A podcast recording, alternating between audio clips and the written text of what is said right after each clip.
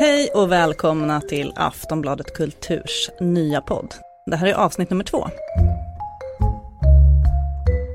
Jag heter Cecilia Djurberg och idag ska vi prata om eh, dokumentären Leaving Neverland. Om eh, Michael Jackson och de påstådda övergreppen. Jag säger välkommen till mina kollegor Ulrika Stare. Välkommen. Tack, tack. Sandra Weibro.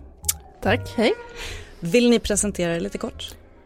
Ja, jag är kritiker på Aftonbladet och ja, redaktör på kulturredaktionen. Jag skriver mest om konst, tror jag själv i alla fall, och ibland även om film.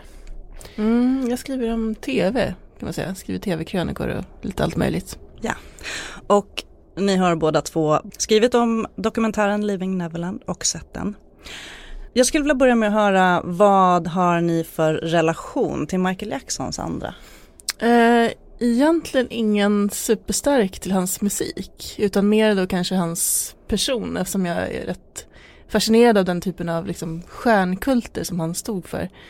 Eh, det är lite liksom, ja men så arvet från Elvis Presley eh, och sen kanske nu i vår tid med liksom Britney Spears, den här liksom stjärnkulten som går liksom bananas och ja, hur det kan liksom gå fel i det där liksom.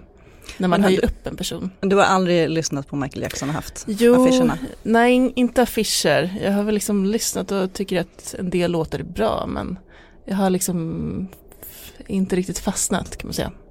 Ulrika? Mm, nej, han var väl svår att undvika där på 80-90-talet eller framförallt 80-talet då men jag var inte Nej, jag var ingen fan och jag tyckte väl att det var lite töntig musik för mig då. Sen kan jag väl såklart förstå att det var väldigt bra i sin genre men inte...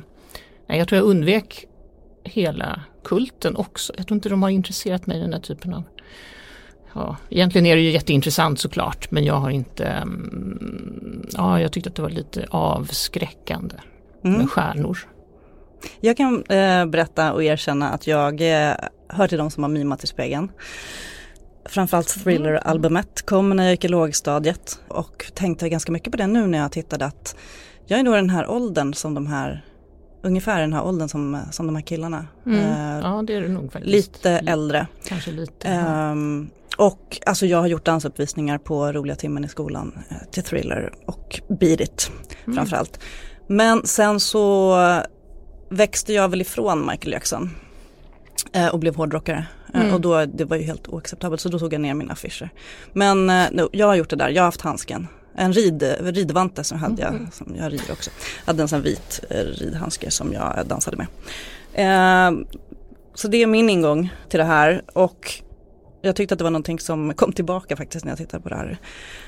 Um, om vi ska prata om dokumentären då som är gjord av Dan Reed, producerad av HBO. Eh, anklagelserna mot Michael Jackson eh, om att han ska ha begått sexuella övergrepp mot barn har ju liksom följt hans senare karriär. Det har kommit och gått. Och eh, det har varit två rättegångar minst. En, ja, en rättegång, en rätt, först en förlikning 93 och sen en rättegång Ja, om 20, det var. Domen föll 2005 så det var väl där någonstans. Och där han friades. Ja, precis. Så att han är, ska vi ju vara tydliga med, han är ju inte dömd i eh, någon rättegång för de här påstådda brotten. Eh, och nu sen dokumentären premiärvisades på Sundance-festivalen i januari, om jag har rätt uppgifter, eh, så har också hans eh, dödsbo stämt HBO på 100 miljoner dollar. Eh, så vad är det då med den här dokumentären som är så upprörande? Vad ska, hur, skulle, hur skulle du beskriva dokumentären? Vad är det för typ av dokumentärfilm det här? Sandra? Mm, ja, egentligen är det liksom, det är fyra timmars eh, vittnesmål kan man säga. Eh, det är egentligen inte så mycket liksom Jackson och hans karriär, eller liksom vem han var eller någonting sånt. Utan det handlar om de här två killarna eh, som då berättar om sina liv och hur de träffade Jackson och vad de har liksom blivit utsatta för i detalj och hur det har påverkat deras familjer. Kan man säga. Så det är ju på det sättet är det liksom grova anklagelser men det är ju inte så mycket egentligen så här, var han skyldig eller inte? Den Men- frågan gräver man inte riktigt i på det Nej, sättet. Utan man det, kan ju, man förutsätter att de här talar sanning. ja, de förefaller ju prata väldigt fritt. Det är ju inte massa hårda motfrågor som man får höra. Så att man, man skulle kunna säga att det, eller min upplevelse var att, den, att det känns som att han döms i filmen. Alltså att det är så pass, vittnesmålen är så pass, För att de är så trovärdiga också. de är inte, de är inte ifrågasatta. Nej, de är inte ifrågasatta i filmen och de ger så trovärdigt intryck så att jag kan ju verkligen förstå att man kan känna sig hotad av en sån film också. Alltså den, eh, men de, det är ju sant att det, det är inte ett grävande reportage direkt. Alltså det är inte som att andra vittnesmål kommer fram eller ja, förutom en, det är en text i slutet av första delen där man skriver att två, kill, två andra killar som också var Jacksons liksom, barnkompisar eh, har sagt att det inte förekom någonting sånt som sexuella övergrepp. Ehm, annars är det ju ingen mot, ja förutom att de också skriver att Jackson aldrig fälldes och alltid förnekade de här anklagelserna. Det är ju det enda motdraget egentligen i hela filmen. Och nu visas den ju av SVT. Eh, ser ni något problem med att SVT visar den här filmen? Eh, alltså egentligen inte kanske. Jag tycker det är intressant att de gör det. Eh, det känns inte som en eh, dokumentär som de skulle ha visat för kanske bara tre, fyra år sedan. Varför tror du att det är så? Eh, för att den är så, den är ju ändå ensidig. Eh, vad de än liksom säger om motsatsen så är det ju liksom, det är ju de här pojkarnas berättelse. Eh, Som idag är vuxna. Exakt, eh, men det känns ju som att SVT har ju tagit ett steg där, liksom att det känns som att de numera har en annan typ av liksom eh, behov av att liksom få uppmärksamhet och liksom att vara relevanta i liksom konkurrensen av alla olika medier och sådär. Eh, så att, och det här är ju verkligen en dokumentär som har fått mycket uppmärksamhet. Mm. Jag hörde någon uppgift om att de inte har fått betalt för att medverka i dokumentären. Precis, precis. Eh, det är väl det de har sagt och eh, jag läste att SVT har också innan de visar det här så har de pratat med regissören och de ville veta om de hade fått betalt eller inte och det var liksom en faktor som gjorde att de kände att de kunde visa den. Eh, Ja för det kan man ju berätta då för de som inte har koll på hur det fungerar eh, normalt inom eh, press och medier att man betalar ju inte människor eh, i regel för att ställa upp på intervjuer eh, eller berätta om saker. Att vara ett case är ingenting som man ska göra för att tjäna pengar för det kan underminera trovärdigheten att man ställer upp som någon sorts skådespelare eh, när man har ett så kallat eh, egenintresse i det som berättas. Ja precis, sen är det kanske ändå lite vanligare i USA och England att folk får betalt liksom i sådana här dokumentärer men Ja, det kanske är därför SVT har frågat just Exakt, eftersom det är en precis. amerikansk dokumentär. Ehm, Men samtidigt så är det liksom om man ser på kvalitet så tycker jag ändå att det är en bra dokumentär och SVT ska kunna vis, visa en bra dokumentär. Det även om det kanske inte är så bra journalistiskt arbete så är det liksom som film är det ändå, tycker jag att den är extremt stark. Mm. Ja, ja, jag, ja, jag håller med. jag håller med dig helt enkelt. Eh, jag funderar lite på hur, men det är ändå två gånger två timmar, det är en enormt lång dokumentär och ändå så håller den ju ihop. Alltså den är ju väldigt, jag tycker att den är rätt skickligt klippt faktiskt för att den är de vandrar ju liksom fram och tillbaka då mellan Wade Robson som är den ena killen och eh, James Safechuck den andra. Och det, ibland klipps det ju nästan omärkligt att man liksom, men just det, men nu är det Wade igen. Och så liksom man, man blandar ihop dem, deras historier är ju ganska lika. Man förstår inte riktigt var de befinner sig i tid. Alltså de blir, det blir ju en enhet av de två berättelserna. Det tycker jag man gör otroligt skickligt faktiskt. Och Mm. som sagt så är den ju det är starka berättelser och de liksom slingrar sig in i hela familjernas liv och ja, de senaste decennierna. Det är, Mm. ganska, det är ett stort dokument. Liksom. Mammorna är ju med också. Eh, Ja. Respektive mammor. Men eh, inte papporna. Vilket också kanske gör att, det, att de liksom går ihop lite de här berättelserna. Det är Ja, liknande typ av Av familjestruktur. Ja liksom. Jo, precis och också liksom eh, händelseförloppet. ja, De har sugits in i den här. Precis. Den, en, den ena pappan är död och den andra är, verkar ju ha tagit Michaels sida, antyder de ju. mm. Eller liksom- gjorde det i alla fall väldigt länge förstår Ja, man ju. Precis. Så, men han är ju inte- bilden. Men det funderade jag på rätt länge, i första delen i alla fall. Varför, varför det bara var mammorna? Alltså det är väldigt, det är stor del av liksom skulden på något sätt också som är deras ju. Som det, det pratar de ju om. Ja, precis. Det är mycket skuldbearbetning i slutet av, slutet av dokumentären. Det, ja. Jag tänkte lite på tidsperspektivet. Dels nu är det ju, nu kommer filmen nu och det är tio år sedan Michael Jackson dog. Uh, men allt det här när det här började, det, det var ju ändå en annan tid. Alltså under, för jag funderade mycket på hur han kunde komma undan med det han höll på med. För det framkom ju i filmen att han på något sätt har instruerat då, om vi nu utgår från att allting som de berättar har hänt, att då, de berättar ju om hur han har instruerat dem för att liksom hålla hemligheten och bevara hemligheten, vilket är en typisk sån pedofil eh, taktik, eller vad man ska säga, medvetenheten finns om att det inte är okej och, eh, och att samhället eh, ser hårt på det här. Men numera så pratar man ju väldigt mycket med barn om övergrepp. Vilket jag då inte kan minnas att man gjorde. Alltså för mig, när jag var i, liksom i ja, 82, var liksom i sjuårsåldern, så då var ju pedofiler, antingen så var det snuskiga gubbar i parken, eh, blottare eller den här typen, liksom vita skåpbilen som kommer och hämtar någon och följer inte med någon som bjuder på godis. Michael Jackson gör ju allt, han, eh, han, han bjuder på godis men eh, han går ju väldigt försiktigt fram. Det är en typisk sån grooming. Ja precis, det var inget begrepp då direkt.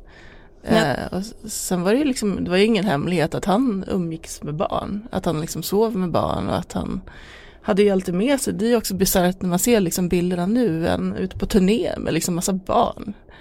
Ja, Alltså som inte är hans egna. Alltså, ja men jag vet det är ju märkligt på något sätt. Idag man är bara, det ju så att till exempel, man är i Sverige motsvarigheten då, om en, om en eh, teater ska ha barnskådespelare med så är det liksom, eh, finns det massa fackliga regler och till och med lag kanske på att det ska finnas någon typ av guvernant med som tar hand om barnen och liksom föräldrar ska kunna vara med och så. Eh, det här verkar ha liksom, det är mycket som på något sätt han har kommit undan med. Kanske på grund av sina pengar och sin stjärnstatus eller vad tror ni? Eller var det, det tiden eller, eller är det är det tiden eller är det pengarna? Men tiden tänker jag, det, ja det var ju inget Fast, ja, nej jag vet inte. Det var väl inget, grooming fanns inte på 80-talet helt enkelt. Eller i, det fanns ju inte som, som idé utan pedofilen var ju en helt främmande person. Ja, en ful gubbe. Ja, en ful gubbe, någon som man inte känner och som är helt annorlunda och som det typ syns utanpå att det är. Så sen kom väl hela den här, som jag minns det i alla fall, så var det väl liksom först kom ju en jättestor incestdebatt eller liksom man pratade väldigt mycket om incest och det var väl kanske på 90-talet. Sen kom liksom pedofil, den allmänna pedofildiskussionen och skräcken och liksom hela den här ligorna liksom, som, ja, där vi är nu. Men, liksom, men det var man väl inte. På 80-talet var det en, ja, även i USA då, då som alltid har varit lite räddare för Moralpanikens ja, land. precis. Men även där verkar det ju ha varit lite, ja. Jag, tänker att vi har ju någonting också, vi har ju otroligt, den tiden vi lever i nu, larmar ju något enormt eh, om allt möjligt. Men de här liksom första anklagelserna 1993, alltså jag kan inte, nu är det ju ett tag sedan, minns ni, hur Nej. stort var det? Liksom i, i, i internationell press? Jag minns att, jag har minne av att det var rätt stort ändå men att då var det väl också lite grann att eh, jag vet inte, man kanske tyckte lite synd om honom också att Det har man ju ändå gjort. Man ja, att han var så liksom, eh, han hade ju som fruktansvärd barndom och jag vet inte riktigt. Det var inget, och de var ju rätt duktiga också på, alltså Jackson-sidan, att slå tillbaka med att mot de här personerna, mot de här pojkarna, att de var ute efter pengar och sådär. Och det har de ju liksom försökt den här gången också. Mm, eh, och eh, det hade man ju kanske kunnat liksom ändå på något sätt ha med lite mer i dokumentären för att också göra de här pojkarna en tjänst, liksom att de får förklara typ, ja men nu har ju, om det är den ena eller båda har ju stämt, eh, försökt stämma Michael Jackson Estate, alltså hans eh, ja, företag som finns kvar, eh, på pengar och att de hade kunnat få liksom ändå förklara det, att, att det är med i filmen också. Alltså för det, det är klart att man kan vilja ha pengar om man har varit utsatt för övergrepp. Det behöver ju inte liksom betyda att man ljuger. Det finns ju någonting som svävar runt, alltså om det är någonting, ett frågetecken som faktiskt finns där, det är ju, och det finns ju med i filmen, att båda de här har ju vittnat till Michaels fördel och tidigare sagt att han aldrig har gjort någonting sånt här med bestämdhet. Eh, och det finns ju till och med med ett klipp i filmen, eller hur? När en av de här mm, pojkarna... In... Wade tror jag ja. sitter och säger det. Ja. I tv eller någonting Ja, sånt. precis. Och, eh, och nu har ändrat sig. Det är ju liksom det här um, frågetecknet som är den, liksom, som man kan undra över. Men hur tycker ni att uh, förklaringen, deras förklaring är, blir i filmen som den framställs? Alltså varför de har ändrat sig. En förklaring skulle ju kunna vara då, om man säger från, från familjen Jacksons kritiska håll, att nu har de ändrat sig för att de vill ha pengar.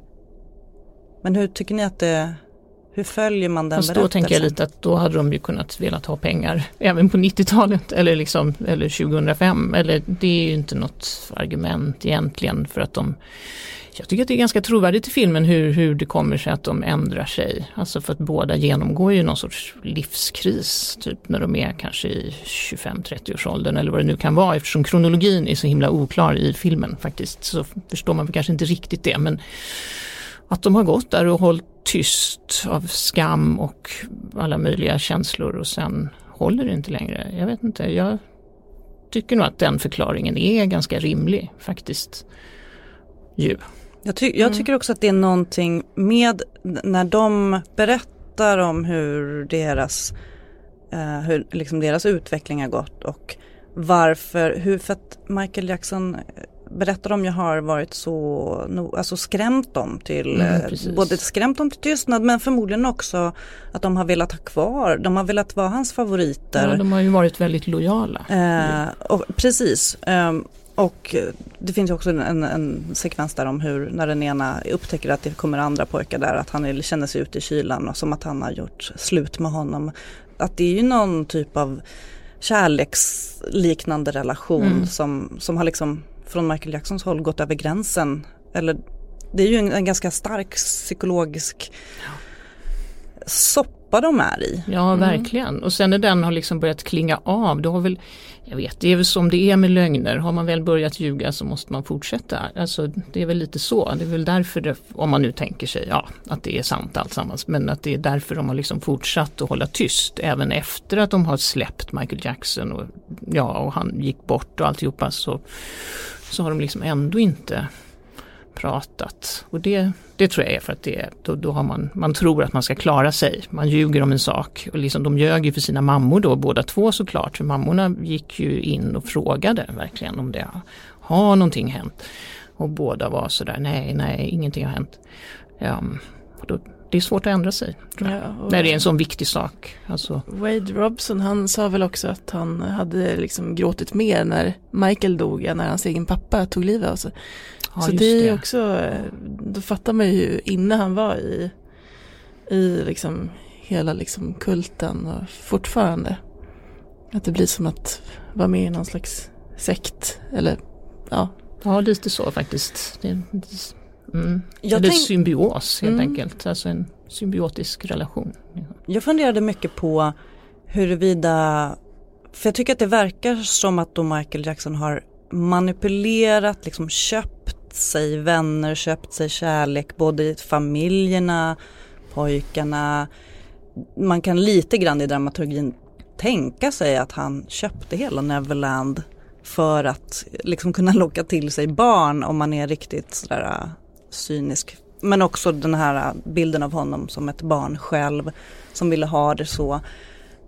Men den här manipuleringen, om man ska, hur tycker ni att det framstår i, som han har hållit på?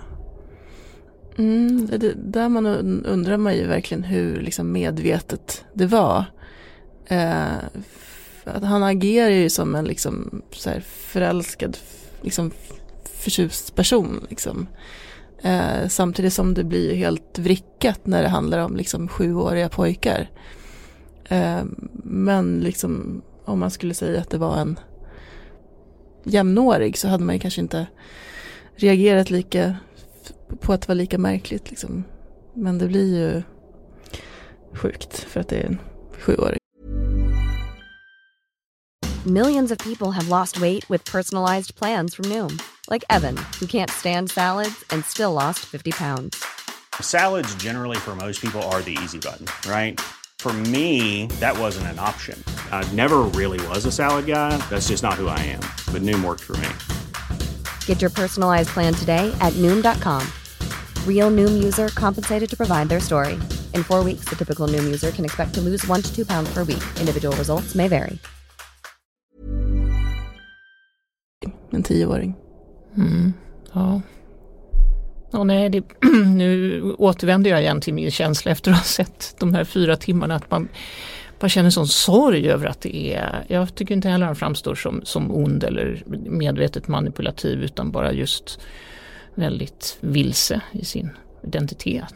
Mm, det här giftermål är kanske en av de starkaste scenerna liksom i filmen, när, när, hur han liksom skakar när han håller upp de här ringarna. Ja, han sitter med den här lilla smyckesasken. Ja, ja, då, det blev jag också helt ja. förtvivlad av verkligen. För han är så, det är så dubbelt alltihop där i den scenen, mm. eller hur? Han, han, har ju någon, han blir ju jättestressad och har någon sorts sorg.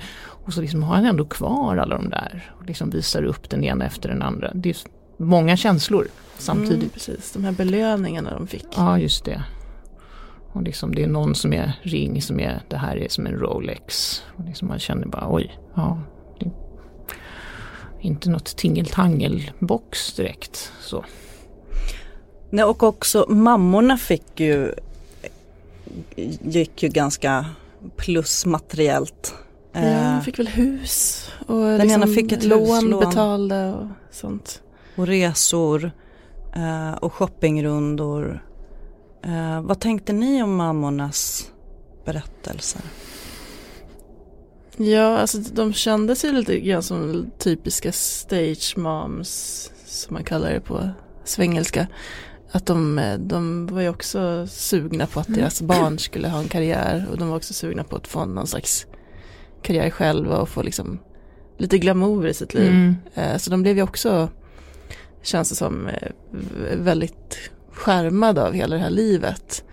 Och därför kanske också, man känner ju den här aggressiviteten lite grann från sönerna nu. Att de, dels att de kanske inte förstod och sen liksom kanske hur de har tagit det nu också. Alltså att eh, i alla fall Wades mamma har ju sagt sen i Oprahs eftersnack som jag också kan rekommendera om man gillar Oprah. Eh, att eh, ja men hon har inte velat se liksom eh, de eh, partier i filmen när han berättar liksom om sitt, det han har varit utsatt för, alltså de exakta övergreppen, det har de liksom, hon har spolat över det. Eh, och det måste ju också vara rätt hårt för honom att hon inte ens nu kan liksom riktigt till fullo acceptera vad han har varit utsatt för. Men, men framstår det då hos Oprah som att hon inte kan acceptera det? För jag kan tänka mig att, jag menar som mamma själv, att det här klarar jag inte att höra. Ja, precis. Alltså ja, hon pallar liksom inte. egen liksom, självbevarelsedrift. Exakt. För att de är ju ansvariga och har inte tagit sitt ansvar. De har ju släppt på liksom helt, vad ska man säga, normala gränser för vad man, liksom, vad man låter sitt barn göra. Alltså de pratar ju om det att först så Ja du får inte sova över men sen fick de och sen Mm. så Men det, är väl, det är väl Wades mamma eller Wades familj, det är väl de som liksom kommer till, de är ju från Australien och så kommer de till Neverland och åker vidare hela familjen utan den här sjuåriga pojken som de liksom lämnar kvar hos Michael Jackson. Det är, det är ju den konstigaste nästan i, i hela filmen ju. Ja, Alltså ja. Hur, hur de kan, för då är det ju inte, det ju inte bara hon ju, det är ju en, det är väl mormor och morfar som är med och vad det är. De liksom allihopa kommer överens om att det är en jättebra idé att han är kvar där. Och sen får ensam. hon panik för att hon provar att ringa och kommer inte fram. Då Ja, säger hon i någon sån där, just det, angående den, de åker till Grand Canyon. Eh, där tycker jag det är så fascinerande, för då tänker man så här, men den paniken som man kan ha som förälder, att magkänslan att det här skulle jag inte ha gjort, att hon inte bara vänder tillbaka. Ja, eller hur? Nej, jag fortsätter till Grand Canyon och kollar läget. Bäst att passa på när man är över. Ja, Ja. Om man ska lära sig någonting av den här filmen så är det ju eh, någonstans eh, hur den här eh, kändisfixeringen, alltså märkliga hur föräldrar slänger fram sina barn och på något sätt ska sola sig i kändisglansen och för att de pratar ju också om att ja men Michael han är ju som ett barn själv och han har ju inte, de är ju medvetna om den här att han inte har haft någon riktig barndom och gör Ja. exakt samma sak med sina barn. Alltså bortsett från att de har släppt på den kontrollen men samtidigt också att de gör exakt samma liksom, ja som du säger att de är de här stage moms som Michaels familj har varit. Eh, men också att den här stjärnglansen, de är ju liksom förförda av den såklart och alla materiella grejer men också att de, tänker jag lite att en sån superstar betraktas som en god människa helt enkelt. Bara för att den är en stjärna. Lite så är det väl också. Att de litade på honom därför att hans offentliga persona verkar så fin och bra och dansar och sjunger mest och därför så är det en helt oskuldsfull person.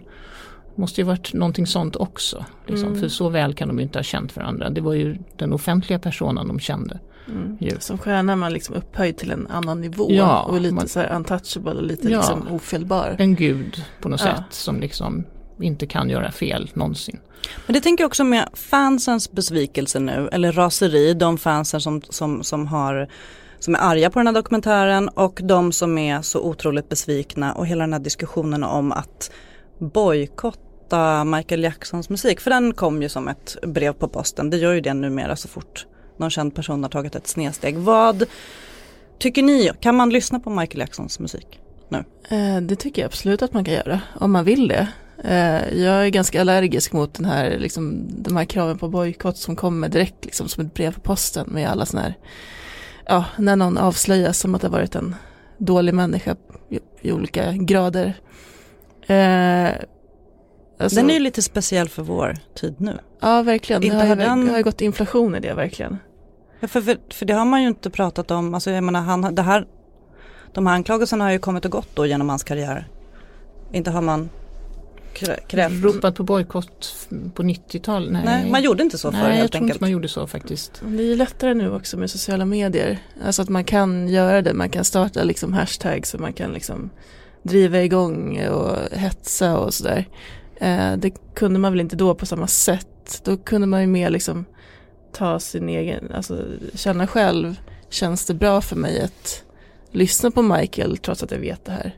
Då kan man svara ja eller nej liksom beroende på hur man känner. Eh, och det är ju en annan sak. Det kan man ju fortfarande göra också. Jag tänker att många kommer tycka att det känna obehag eh, om de liksom lyssnar på Michael eller spelar på radio. Liksom. Och då får man ju liksom ta det ansvaret själv. Liksom.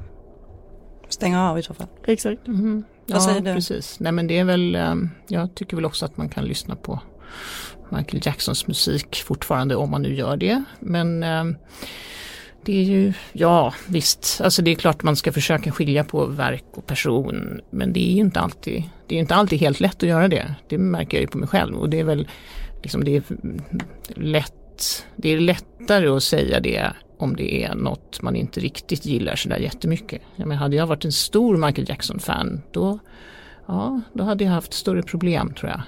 Faktiskt. Jag tror att det är värre. Jag tror att det är därför de här reaktionerna är så starka också. För att det, är liksom, det blir svårare att skilja på verk och person om det är någon som man verkligen, verkligen, verkligen uppskattar. Mm, särskilt som jag. hans musik var ju ganska liksom så här världsförbättrande och liksom heal the world och sånt och ta hand om barnen.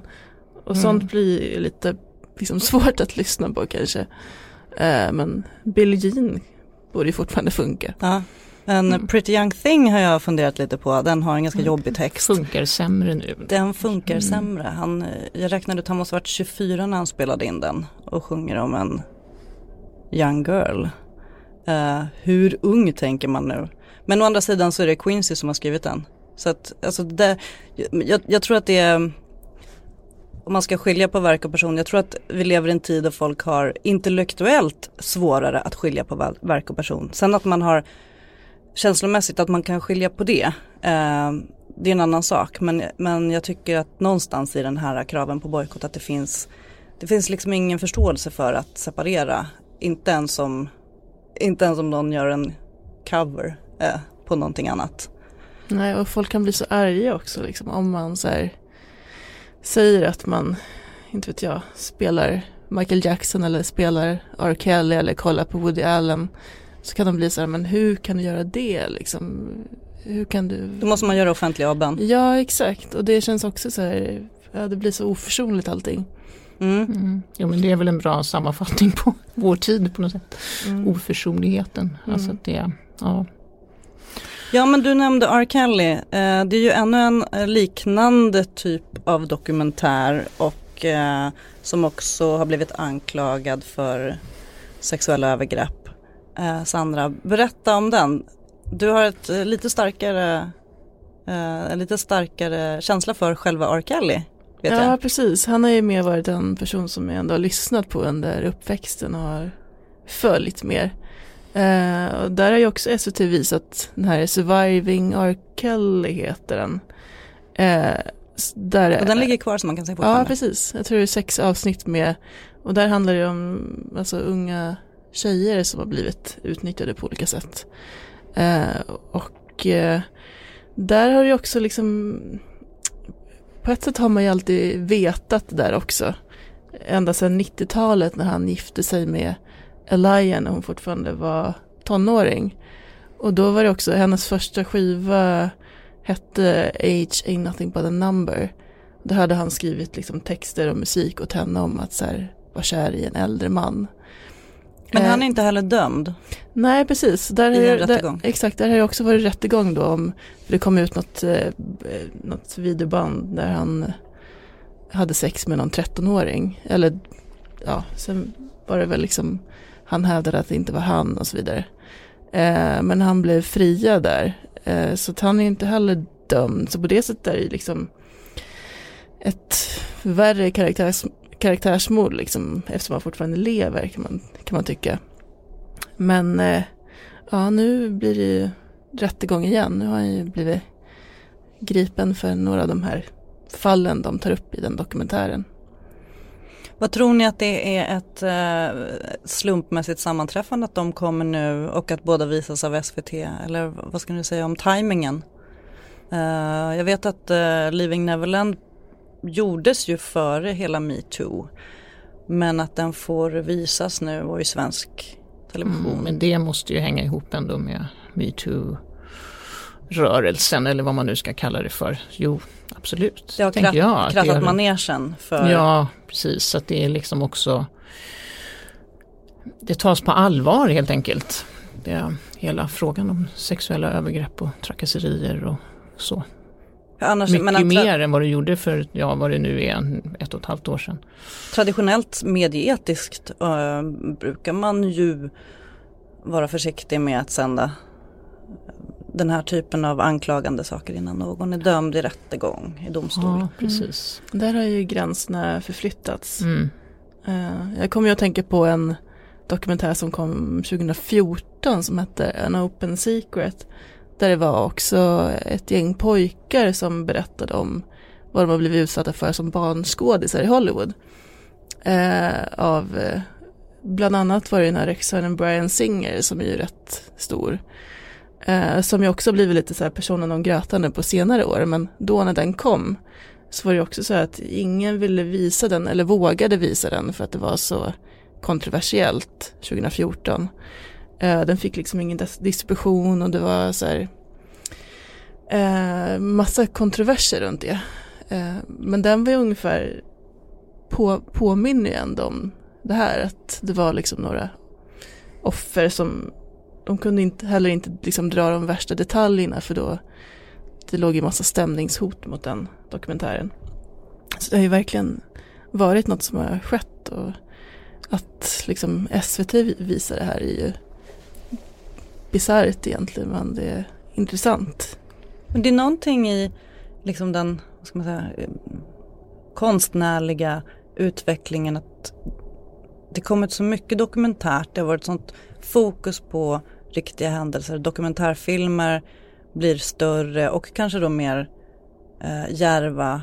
Eh, och det verkar ju som att, det vet ju vi som jobbar i mediebranschen, att det finns ju ett sug efter verkliga berättelser och stories från verkligheten och självupplevda trauman.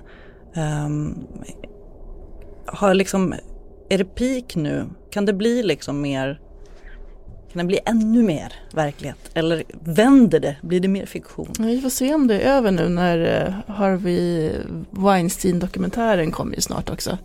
Om hans, det han har pysslat med den här kända producenten och filmmogulen eh, som ju, han som startade metoo kan man säga. Ja. Eh, så ja men det kanske skulle liksom knyta ihop säcken, att det börjar med honom och så kanske det slutar med dokumentären om honom. Vi får se. Ja, frågan är också hur många dokumentärer om övergrepp publiken pallar att se. Jag tyckte ju att det var ganska jobbigt att se Living Neverland. Uh, den är inte bara för att den är fyra timmar lång. Men är, jag ville till exempel inte sitta och titta tillsammans med mina barn Uh, för att jag vet inte, verkligheten är tillräckligt jobbig ändå. Mm. Det är ehm. väldigt explicita liksom, skildringar av exakt hur övergreppen har gått till. Liksom. Så det är ju eh, ja, extremt obehagligt. Jag, kan, jag menar, jag, och jag kände så himla mycket också för de här mammorna. Mm, samma här faktiskt. Ja, ja, de, det gjorde man faktiskt. Nej men jag hade ju, usch, jag tyckte man hade en klump länge och väl mm. efter att ha sett det där. Det är ändå starkt av dem att ställa upp de här mammorna trots att det är liksom de får ju mycket kritik. Eh, att de ändå gör det. Eh, till skillnad från liksom papporna som är borta ur bilden av olika anledningar. Om ni vill rekommendera den här dokumentären då, Leaving Neverland, eh, varför ska man se den? Eller varför inte? Ulrika? Mm, ja, jag tror att jag nog har rekommenderat den fast lite sådär lite dubbelt. Lite så här, men vill du lägga fyra timmar och du kommer må dåligt efteråt. Eh, och då, ja, vem, jo, jag tycker man ska se den.